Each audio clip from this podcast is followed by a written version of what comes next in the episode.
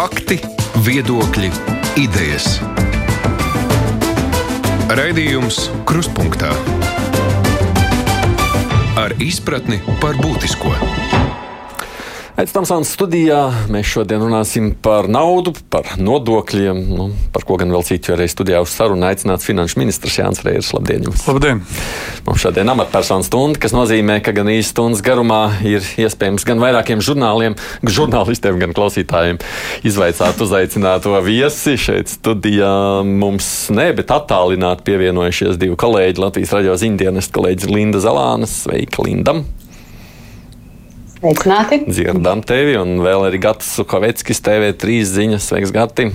Sveiks, Airi. Tevi es dzirdu. Klausītāji, kā parasti var zvanīt, mums uzdodot savus jautājumus telefoniski 6722, 888, vai 672, 559, nu, un arī elektroniski sūtot mums mājaslapā raidījumam, krustpunktā šeit savus jautājumus. Es kā vienmēr atgādinu, ka tas attiecas uz tiešraidi radio ēterā, ne pēc tam ierakstiem televīzijā vai arī radio vai internetā.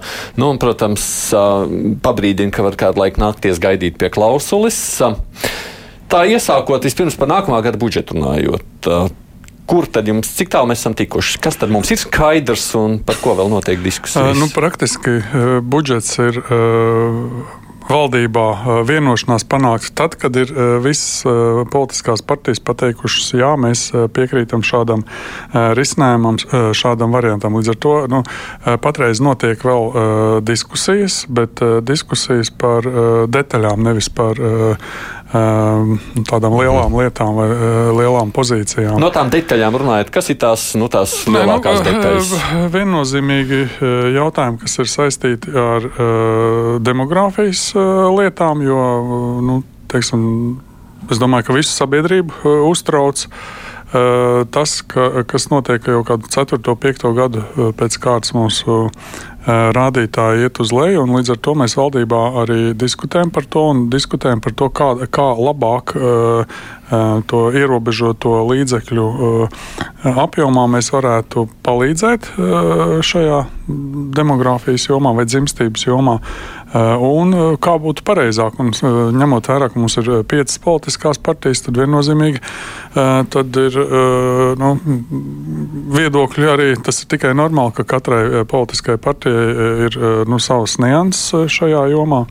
Nākamais jautājums, ko mēs arī vēl turpinām risināt, cik ir iespējams, ir pašvaldību finansējums, jo mums ir nepieciešams arī pašvaldībām nodrošināt investīciju programmas.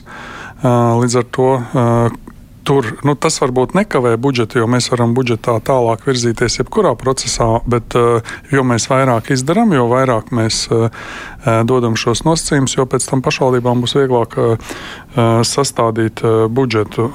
Tad ir diskusijas niansētas par darba spēka nodokļu samazinājumu. Nu, tas, tas tie varbūt ir galvenie, uh -huh. galvenie tādi punkti, par ko ir diskusijas niansētas. Bet principā, principā nu, tādos lielos vilcienos uh -huh. pie, pie piedāvājuma liela iebilduma nav. No. Kolēģi, kurš pirmais? Gati?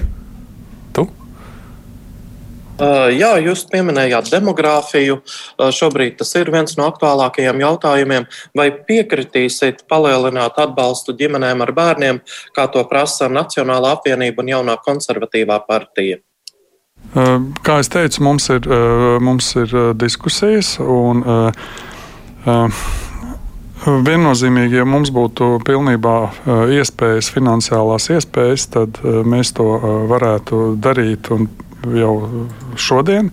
Bet gribu informēt par to, ka mēs budžetu veidojam jau ar 1,2 miljardiem deficīta, kas ir te 4% no IKP nākamgad.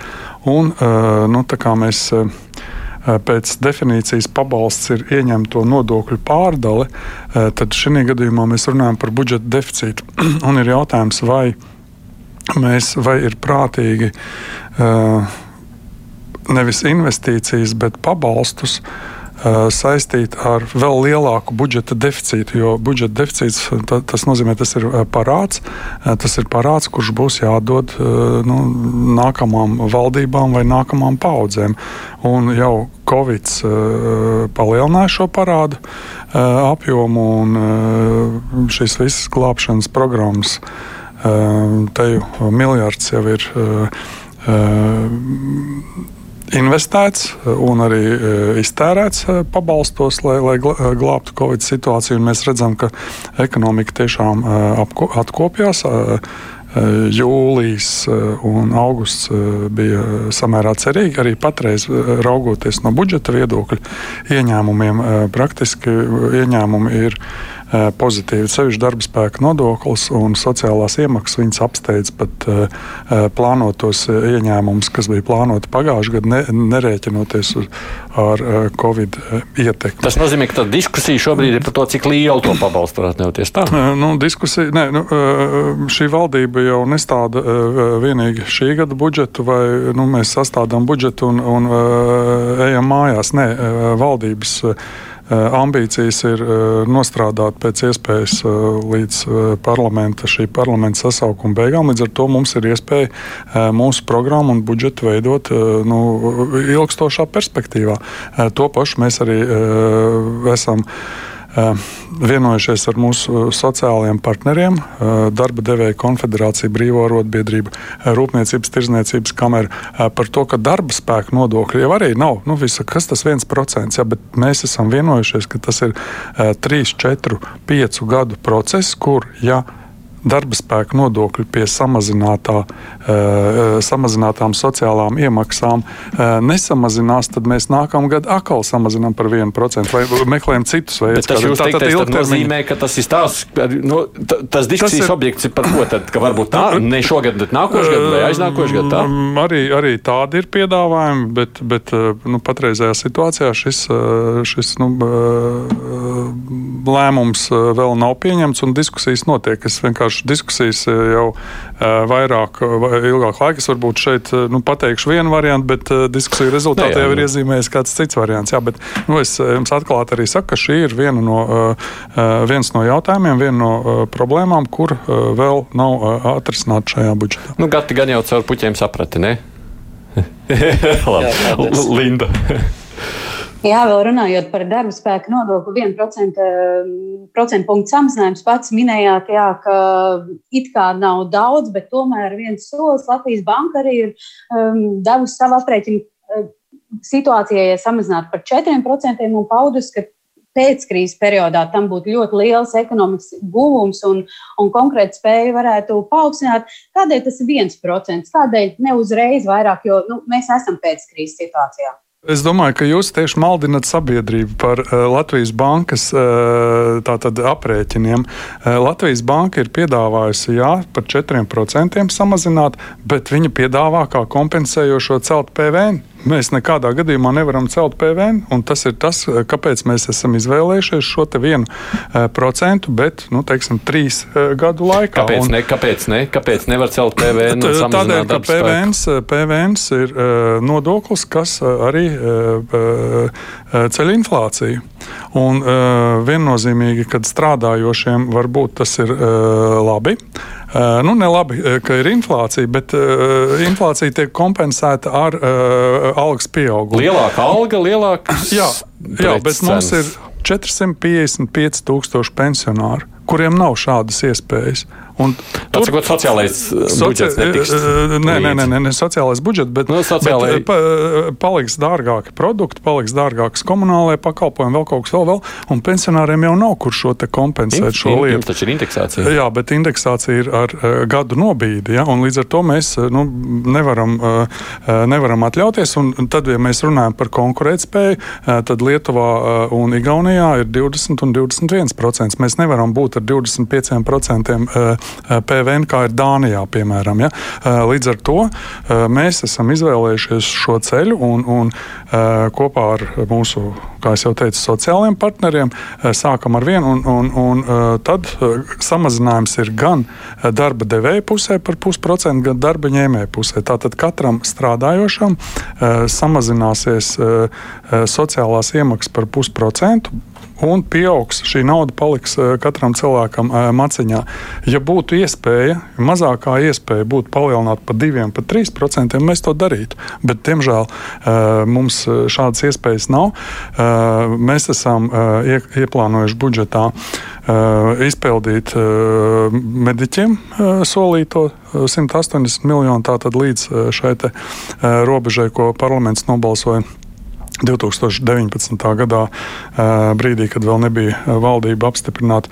Un mēs arī esam ielikuši pilnu programmu izglītības tātad, finansēšanai pedagogiem nākamajā gadā ne tikai gada griezumā, bet arī no jaunā mācību gada. Un arī nevar atļauties. Nu, jā, un, nu, šīs programmas mediķiem 180 miljoni un pedagogiem 40 miljoni. Plus mums ir satversmes tiesas lēmumi par Eh, sociālo nodrošinājumu, GMI. Eh, tur arī ir eh, vismaz 100 miljoni eiro. Tās ir ļoti nopietnas naudas, ļoti nopietni apjomi pie tā, ka mums jau ir ieplānots 1,2 miljārdi budžeta deficīts. Es par nodokļiem savukārt Baložs kungs droši vien grib precizēt, viņš, vai viņš vai līdzīgi kāds zvanīja. Viņš saka, viņš ir radošās profesijas pārstāvs, strādāja trijās darba vietās, tur tiek nomaksāti visi nodokļi, bet viņš ir arī pašnodarbinātais. Gadījumiem, ja viņa radošā darbība iziet ārpus ierastiem rāmjiem, protams, viņš uzraksta kādu grāmatu, lai pats izdod un tā. Bet viņa uz, uztauš tie 170 eiro katru mēnesi kā maksājumi. Tā tad, uh, pirmkārt, tas jā. viss ir uh, minimālā sociālā iemaksa katram, nevis par katru darba vietu, bet katram strādājošam. Tā tad eh, var arī summēties. Viennozīmīgi ir eh, arodi, kur tu strādā nepilnu nu, darba laiku, eh, piemēram, apkopējs. Piemēram, studenti, kas piestrādā kādā veikalā vai kafejnīcā, kuriem ir tikai dažas stundas, varbūt dienā iespējas. Ja? Bet, bet tas jautājums ir tātad sumāri šis minimālais nepieciešams. Ja ir pārsniegums šim minimālam, tad ir normālā kārtībā tiek. Protams, visticamāk, ja viņam ir trīs darba vietas, tad ja jau viņš pilnībā nosedz un, un, un, viņam nebūtu nekas jāmaksā. Jā, nē, nē, nē, tas, jā, nu, tas, lai viņš cilvēks precizētu, tas ir diezgan būtiski. Tā kolēģi, jā, Linda. Bet vai ir rasts risinājums? Iepriekš neizskanēja tāds risinājums tam, ja cilvēks nenopelna vienu mēnesi, nopelna 80 eiro kā alternatīvos nodokļu maksātājs, citu mēnesi 1000. Kas, kas sanāk, kas, kas būs tad, ja katru mēnesi nebūs vienādi šie ienākumi. Pirmkārt, mums jau patreiz eiro. ir pašnodarbinātiem likums nosaka, ka ir nepieciešamība deklarēties, un mēs to skatām gada griezumā, nevis, nevis mēneša griezumā. Un arī valsts ieņēmuma dienests ik pēc ceturkšņa darba devējs informēs par to, kāds ir stāvoklis viņu darbinieku šajās sociālajās iemaksās. Eh, bet eh, nu, ņemot vērā, ka Šis ir paredzēts, eh, šo ir paredzēts ieviest no 1. jūlija nākamgad. Šīs izmaiņas tad det, pie detalizācijas tiek strādāts vēl. Mm. Tā vēl prasa savukārt vienu puķu audzētāji, tādu tirgotājs saka, jā, nu vasarā no māja līdz septembrim tur viss sanāk. Uzkrājums jau nu nē, bet nu ir pašpietiekami. Es par šo posmu samaksāju attiecīgi sociālo nodokli, bet ko man darīt tajās pārējos mēnešos, kad būs? Ne, es gribētu pateikt, ka tas sociālais nodoklis nav nekāds eh, sociālais nodoklis, ir sociālās iemaksas. Un šī visa nauda ir uh, cilvēkam mūža, uh, viņa mūža garumā tiek atmaksāta vai nu caur īstermiņa pakalpojumiem apdrošināšanas, vai vai caur uh, pensiju sistēmu.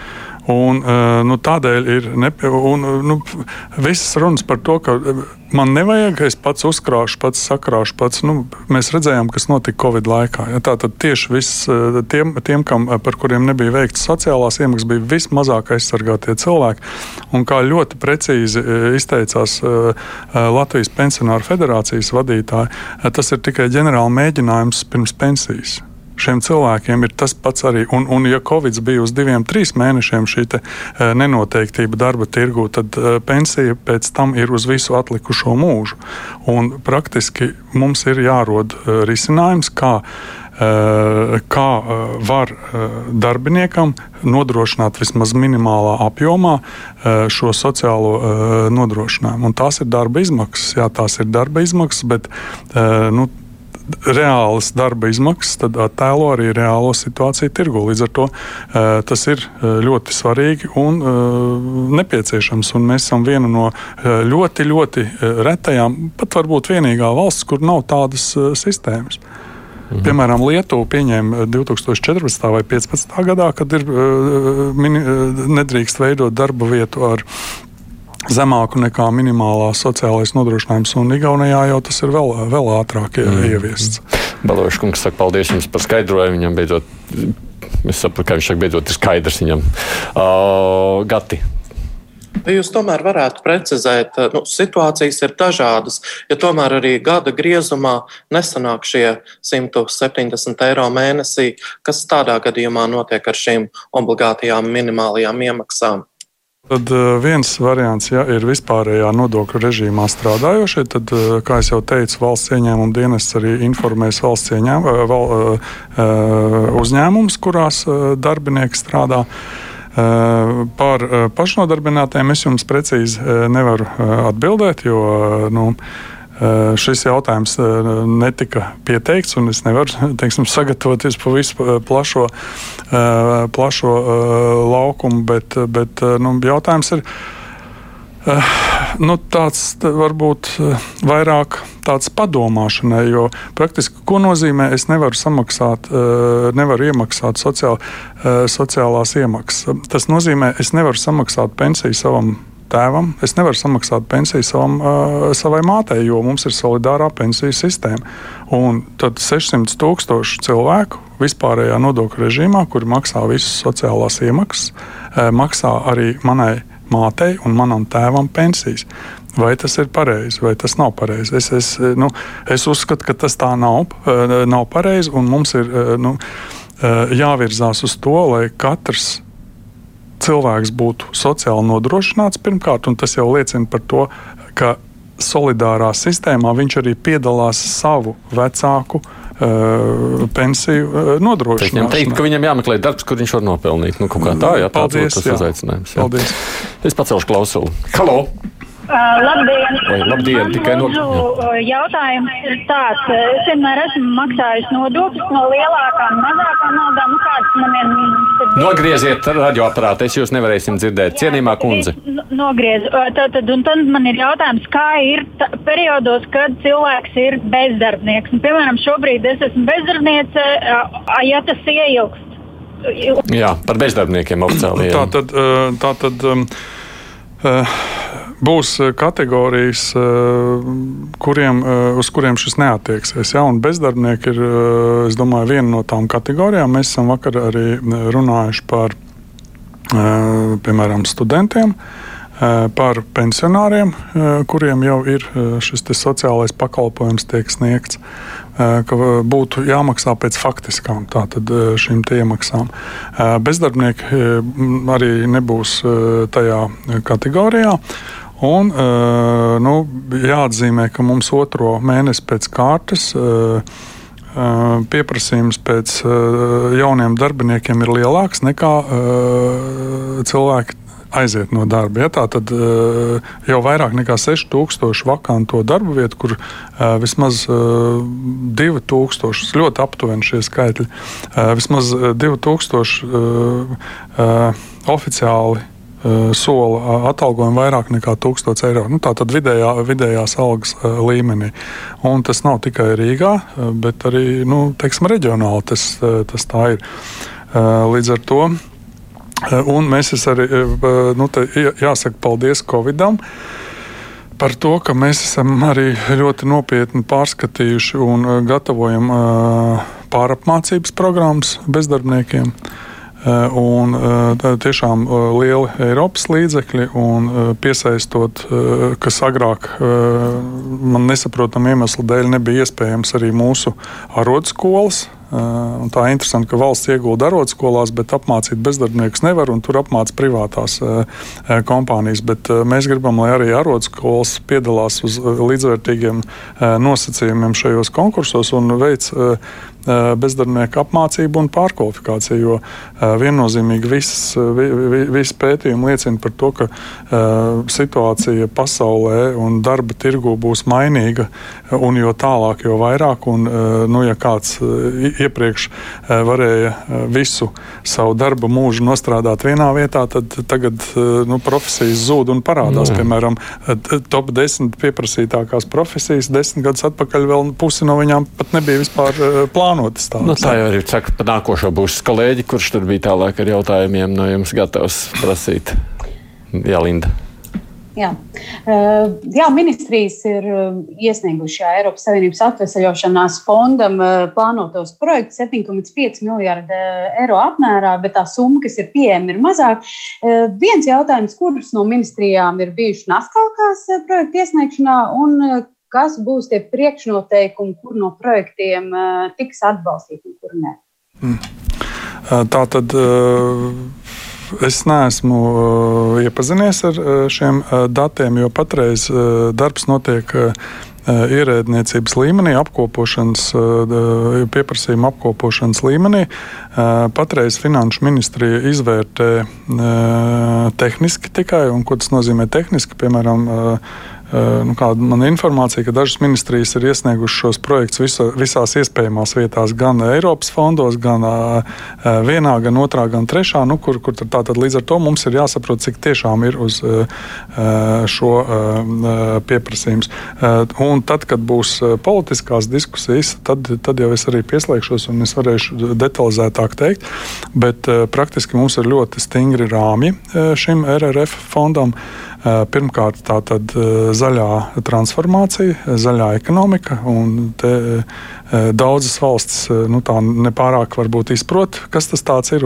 Mums arī jāapgūst un jāsaprot, kādi tie ir projekti. Otra liela, ir, liela joma ir digitālā transformācija un Eiropas komisijas vadītāji vakar ir paziņojuši, ka tur vismaz būs div, pro, prasība vismaz 20% no šiem līdzekļiem, tas ir mūsu gadījumā 300 miljoni, novirzīt šai digitālajai transformācijai. Ja un tā precizēt, jā. savukārt, jebkuras mājas būvniecība, vai tas ir cietums, vai kas tas viss ir zaļās mājas? Es nevaru pateikt, jo, piemēram, es, es zinu, kas nav zaļā māja. Mums tagad ir, piemēram, tehniskas problēmas ar dīzeļu elektrovilcieniem. Jā. Un tas nav zaļš. Un tas tur, nav zaļš. Tas nav dīzeļa elektrovilciens. Uh, nē, nē, vienkārši uh, dīzeļa elektrovilciens nav zaļš. Zaļš ir, ja ir biogāze, ja ir elektriskie vilcieni, Aha. autobusi. Pat, ja viņš ir ekonomiskāks. Pat ja viņš ir ekonomiskāks mm -hmm. par iepriekšējo, bet tā kā ir jau jaunā paudze un, un, un, un šīs lietas. Jo, Eh, nu, lūk, un uh, ir, ir vēl seši citi nosacījumi, un šie nosacījumi ir uh, izdomāti arī tādēļ, lai nu, tās valstis, kuras varbūt ir agrāk bijušas naskas uz tērēšanu, lai arī ievērotu un ieguldītu tieši Covid eh, krīzes pārvarēšanā. Nu, Cik, ja cietumā uzliks siltumsūkni, tad viņi varētu Nē, cietuma celtniecība no Covid naudām nekādā gadījumā nebūs. Nav iespējama. Tātad no RRF fonda naudām. Jā. Es zinu, ka jums ir jautājumi būs par to, bet man klausītāji arī kādu laiku gaida šeit pie klausulas, tāpēc es pacelšu, un tad kolēģi varēsiet turpināt saviem jautājumiem. Es atgādinu, šeit studijā mums ir finanšu ministrs un divi mani kolēģi, kas izjautā Linda Zalāna un Gats Sukaveckis. Raidījums Krustpunktā. Jā, lūdzu. Halo!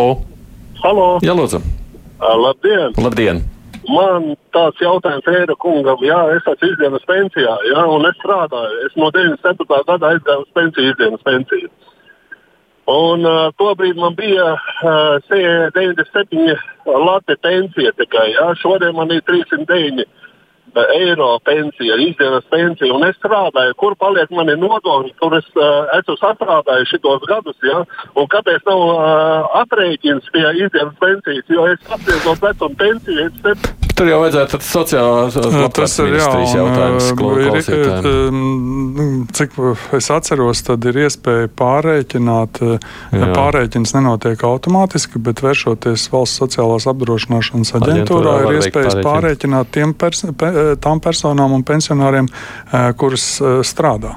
Tikai zvaniet, ja jums ir finanšu ministram jautājums. Kalo! Labdien! Labdien.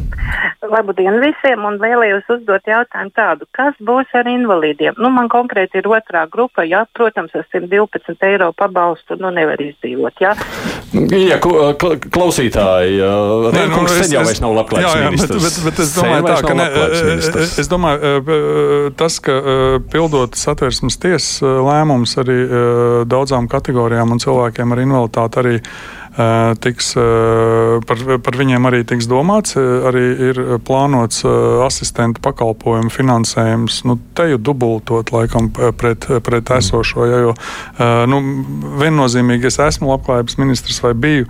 Tā, tas mērķis valstī ir pēc iespējas vairāk iesaistīt cilvēkus ar invaliditāti darba tirgu, jo uz pabalstiem neviens, neviena valsts nevar nodrošināt savus cilvēkus. Mūsu mērķis ir, lai viņus, lai cilvēki varētu būt mobili no vienas puses, tāpēc ir nepieciešams viņiem asistentu pakalpojumu, un no otras puses radīt eh, eh, šīs darba vietas, lai cilvēki ar invaliditāti varētu arī paši sev finanšu ministrijā nebūs iebilžu. Uh, nebūs. Nebūs, labi.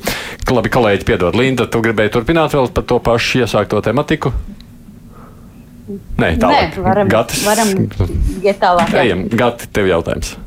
Paturpinot vēl par nodokļiem, vai jūs atbalstāt PVN samazinātās 5% likmes saglabāšanu vietējiem dārzeņiem, augļiem un ogām, kas arī ir izrādījies par vienu tādu klupšanas akmeni.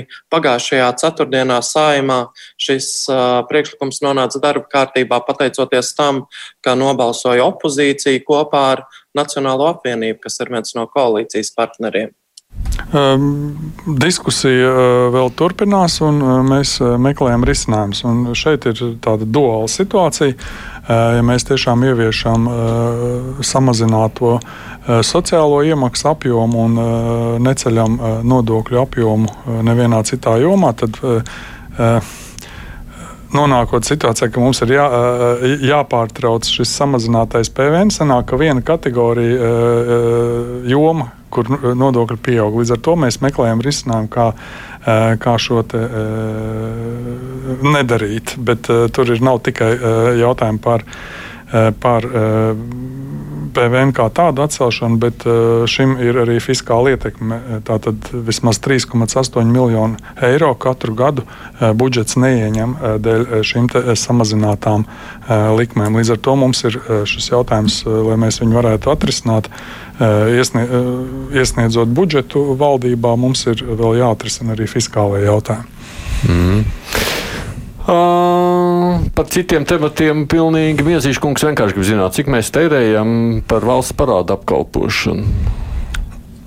Īsā atbilde vai, vai garā atbilde. Nu, e, es domāju, tā es pirmkārt e, vajadzētu lielu pateicību valsts kasei par to, ka ir, mēs esam spējuši aizņemties līdzekļus vienmēr tajā brīdī, kad viņi ir par viszemākām cenām. Un atceroties laiku, kad es biju budžeta komisijas vadītājs, kad mūsu parāds bija uh, 3, 4, 5 uh, milj miljardi eiro, uh, tad mēs maksājām gadā. Dažreiz bija tā, ka pat 300 tūkstoši, uh, 300 miljoni latu.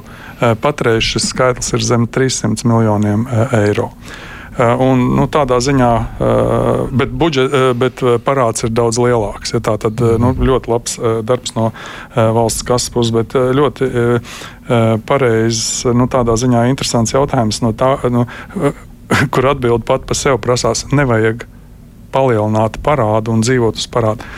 Covid ir izņēmums, un viennozīmīgi mums vajadzēja šo noturēt ekonomisko uh, nu, stabilitāti, bet principā mēs atdodam 300 miljonus eiro gadā par to, lai apkalpotu parādu, mm -hmm. kur mēs varētu viņu tērēt uh, nu, uh, jebkuram citam uh, vai algu pielikumam vai investīciju projektam, bet katru gadu 300 miljoni uh, iet, uh, nu, es teikšu, mm.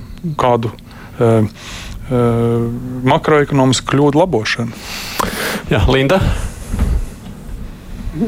Runājot par valsts parādu, pietiks mūsu finanšu līdzekļu šogad arī ar Eiropas uh, Savienības fondu līdzfinansējumu, vai, vai būs vēl jāatgriežas finanšu tirgos, ja jā, tad uh, cik daudz vēl?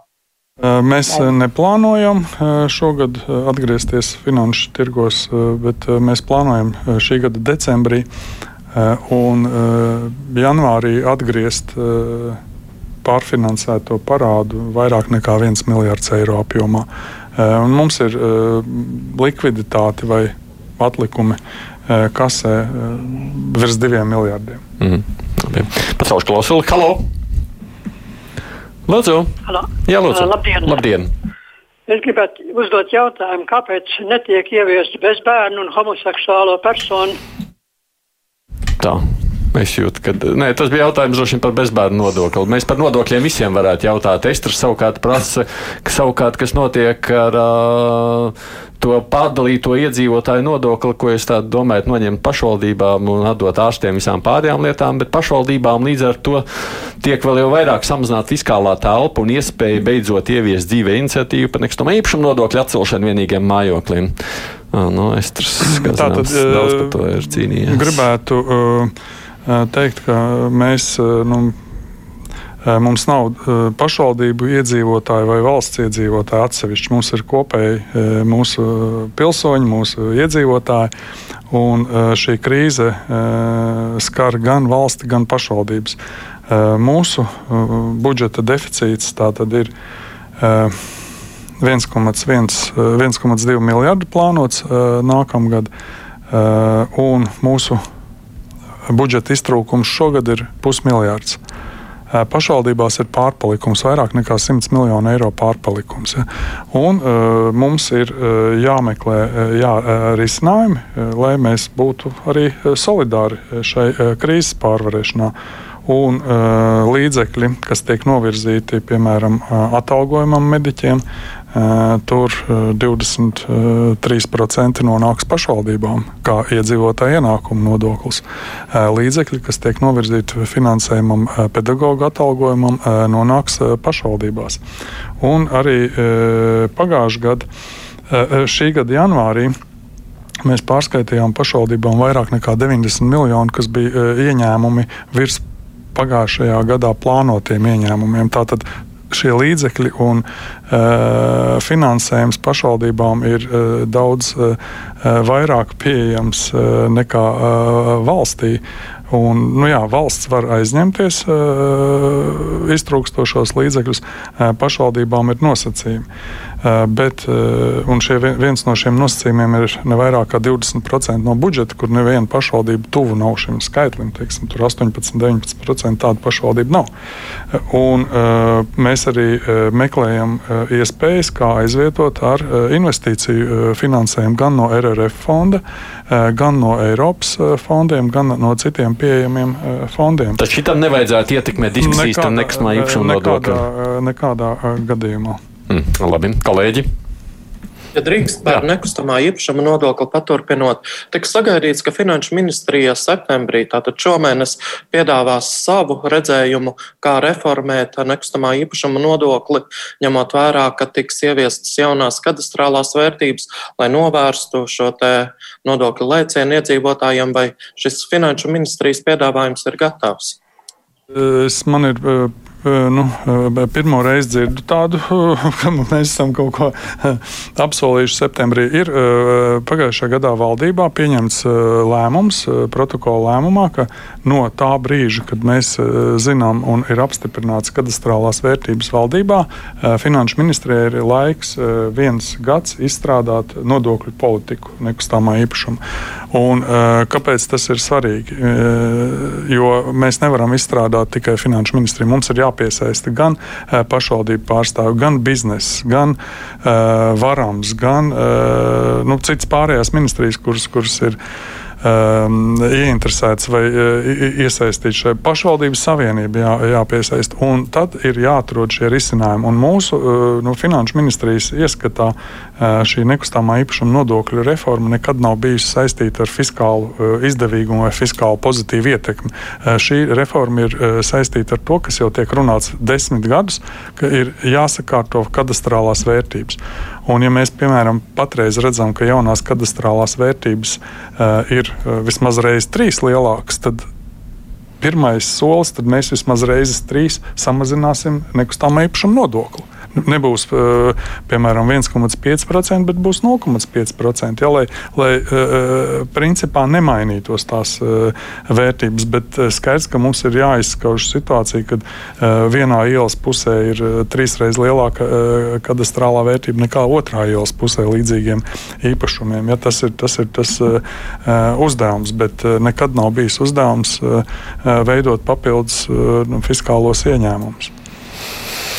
Pacelšu klausuli vēl. Halo! Labdien! Labdien. E, jūs iepriekšējo kundzīti norāvāt, kur gribēja teikt par pensiju. E, otrā grupa. Es arī esmu invalīds. Un man nav skaidrs, ja cilvēks, kas ir e, teiksim, invalīds, kam ir maza pensija, viņš grib kaut ko piepelnīt klāt.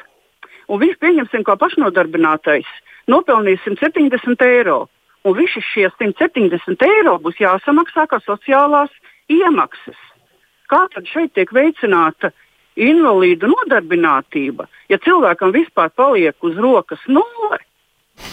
Par invalīdiem, kuriem tā, reizēm tā ir. Vēl, vēlreiz, vēl, vēlreiz precizēšu, tātad um, uh, mums ir arī piedāvājumi no Labklājības ministrijas, ka šī kategorija uh, maksās uh, proporcionāli nopelnītam, nevis uh, invalīdiem. Jā, jā, jā, bet, bet tur arī darbos. ir jā, speciāli tātad pensionāriem, uh, tie, kas saņem uh, pabalstus uh, ir uh, šie apdrošināšanas uh, gadījumi, nu, pensija ir jau pabalsti. Tātad uh, tur nav nepieciešams uh, papildus okay. uzkrājums. Ja, līdz ar to proporcionāli no tā, kas ir nopelnīts. Okay.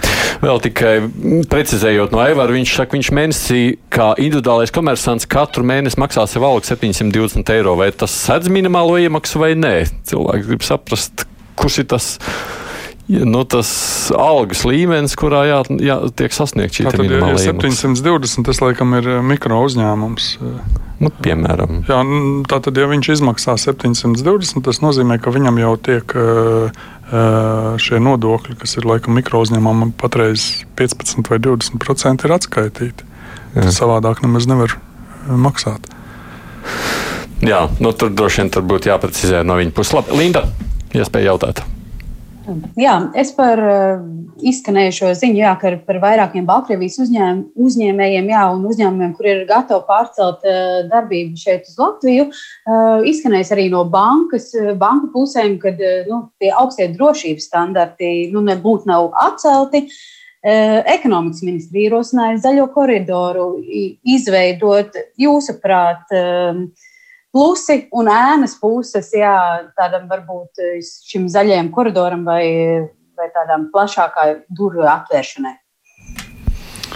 Eh, tā tad mums ir nepieciešams eh, finanšu tirgus atbilstošs labākajām investīciju praksēm pasaulē. Līdz ar to patreizējā situācijā arī daudz eksperti tā uzskata, ka banku prasības ir eh, vairāk eh, eh, nevis izvēr, risku izvērtējošas, bet vienkārši risku noliedzošas. Līdz ar to ir nepieciešams dialogs, un šeit nav iespēja valstī pateikt vai pieņemt kādu likumu, kas bankai būtu jādara. Jo tad valsts uzņemās atbildību arī par visu prudenciālo uzraudzību un visām problēmām. Bet valstī dialogā ar komercbankām, kas ļoti aktīvi arī patreiz notiek. Nu, finanšu kapitāla tirgus komisija, nevalstiskais sektors, finanšu uh, uh, tirgus organizācija, kas apvieno banku sektoru, mēs meklējam šos risinājumus, lai bankas reāli izvērtētu katru kontu, nevis vienkārši atteiktu, kas, kas ir lielākā pretenzija no, no uzņēmējiem un no privātpersonām. Ļoti plašs solis ir privātpersonu virzienā, tātad Finanšu kapitāla tirgus komisija ir izstrādājusi noteikumus par pamatkontu. Viņš tā varētu saukt, saukties, kur ja ir elementāras darbības, piemēram, algas ieskaite un uh, patēriņš uh, Latvijā, uh, un neiziet ārpus Latvijas teritorijas, tad ne, nevajag kontrolēt, vai pārbaudīt, vai vākt informāciju par šādu uh, klientu. Un katram klientam, uh, fiziskai personai, uh, būs tiesības uz pamatkontu. Uh, tālāk, ja tas jau ir detalizētāks, tad jau, tad jau uh, nu, bankas varbūt pieslēgsies ar uh, riska izvērtēšanu. Bet uh, praktiski nu, šī lielākā problēma, uh, ko mēs esam nu, identificējuši, ir tā, ka uh, bankas negrib vērtēt risku, bet viņas vienkārši neuzņemās risku. Linda, ir labi? Atbildi. Gati, ir ko jautāt? Jā, par Covid gribēju pajautāt. Ierobežojumu dēļ turpina ciest turisma nozare, vairākas viesnīcas ir slēgtas. Vai jūs redzat iespēju, ka turisma nozarē varētu atjaunot dīkstāvus pabalstus? -hmm. Šādas diskusijas valdībā nav bijušas. Patreizējā situācijā eh, ir subsidētās darba vietas, tā tad ir nosacījumi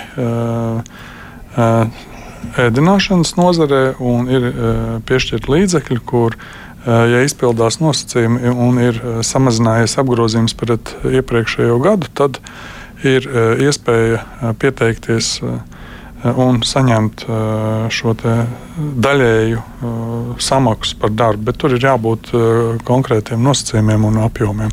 Par dīkstāvus pabalstu ne, pieprasījumu pusē nav bijis. Tātad pieprasījums ne arī piedāvājuma pusē mēs neesam par šo diskutējuši.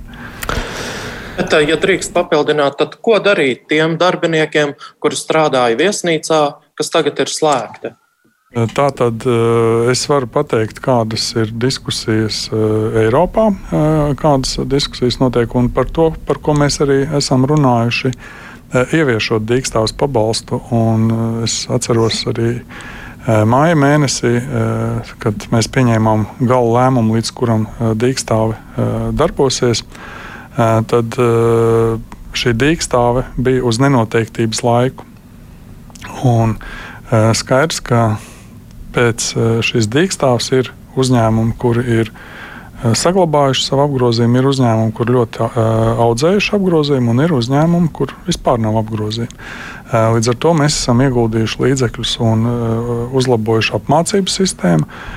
Un viennozīmīgi cilvēkiem būs jāpārkvalificējas daudziem, kas ir šajās nozarēs strādājuši.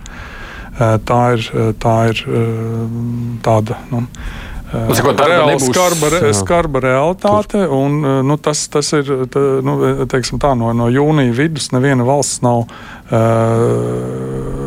domājusi par to, ka atjaunot uh, dīkstāvus pabalstu vai kaut ko tamlīdzīgu. Jo, jo praktiski uh, ir skaidrs, ka uh, nu, cik tad valsts, jo, tā jau nav uh, abstrakta nauda, tā ir nauda, ko mēs dosim parādā. Un cik tad ilgi sabiedrība var gaidīt, kamēr kāda nozara nestrādā. Un aizņemties, aizņemties, aizņemties un šo parādu likt uz visu pārējo sabiedrību. E, nu, tas e, nenoteiktības laikā mēs to darījām, un mēs esam e, izglābuši vismaz 40 tūkstošu darbiniekus no bezdarba. Uh, viņi ļoti veiksmīgi patreiz arī strādā, jo nu, mēs katrs varam novērtēt, kas notiek piemēram ēdināšanas sektorā ārpus vecrīgas vai ārpus Rīgas robežām. Ja, nav iespējams normāli braucot, dabūt vietu paēst. Ja. Bet, bet ir arī tiešām nu, tāda bēdīgāka piemēra, un līdz ar to ir jāskatās uz pārkvalifikāciju. Mm. Man ir vēl viens klausītājs, Vans. Halo! Labdien! Labdien. Man es gribēju ministru kungam tādu jautāt, ko viņš domā par tādu lietu, ka nevis nodokļus tieši otrādi mazināt uzņēmuma darbības uzsācējiem, tiem pašiem pašnodarbinātajiem, lai viņi spēj uzsākt attīstīties, jau, jau sākt kaut ko pelnīt, un tad, kad, tad, kad tiešām sāk pelnīt, tad, tad likt nodokļus, jo nevis to deķīti raustīt tos nodokļus žmiegt no ārā, bet ļaut uzņēmē darbībai vairāk attīstīties, nopelnīt naudu un būs vairāk no kā iekasēt. Un...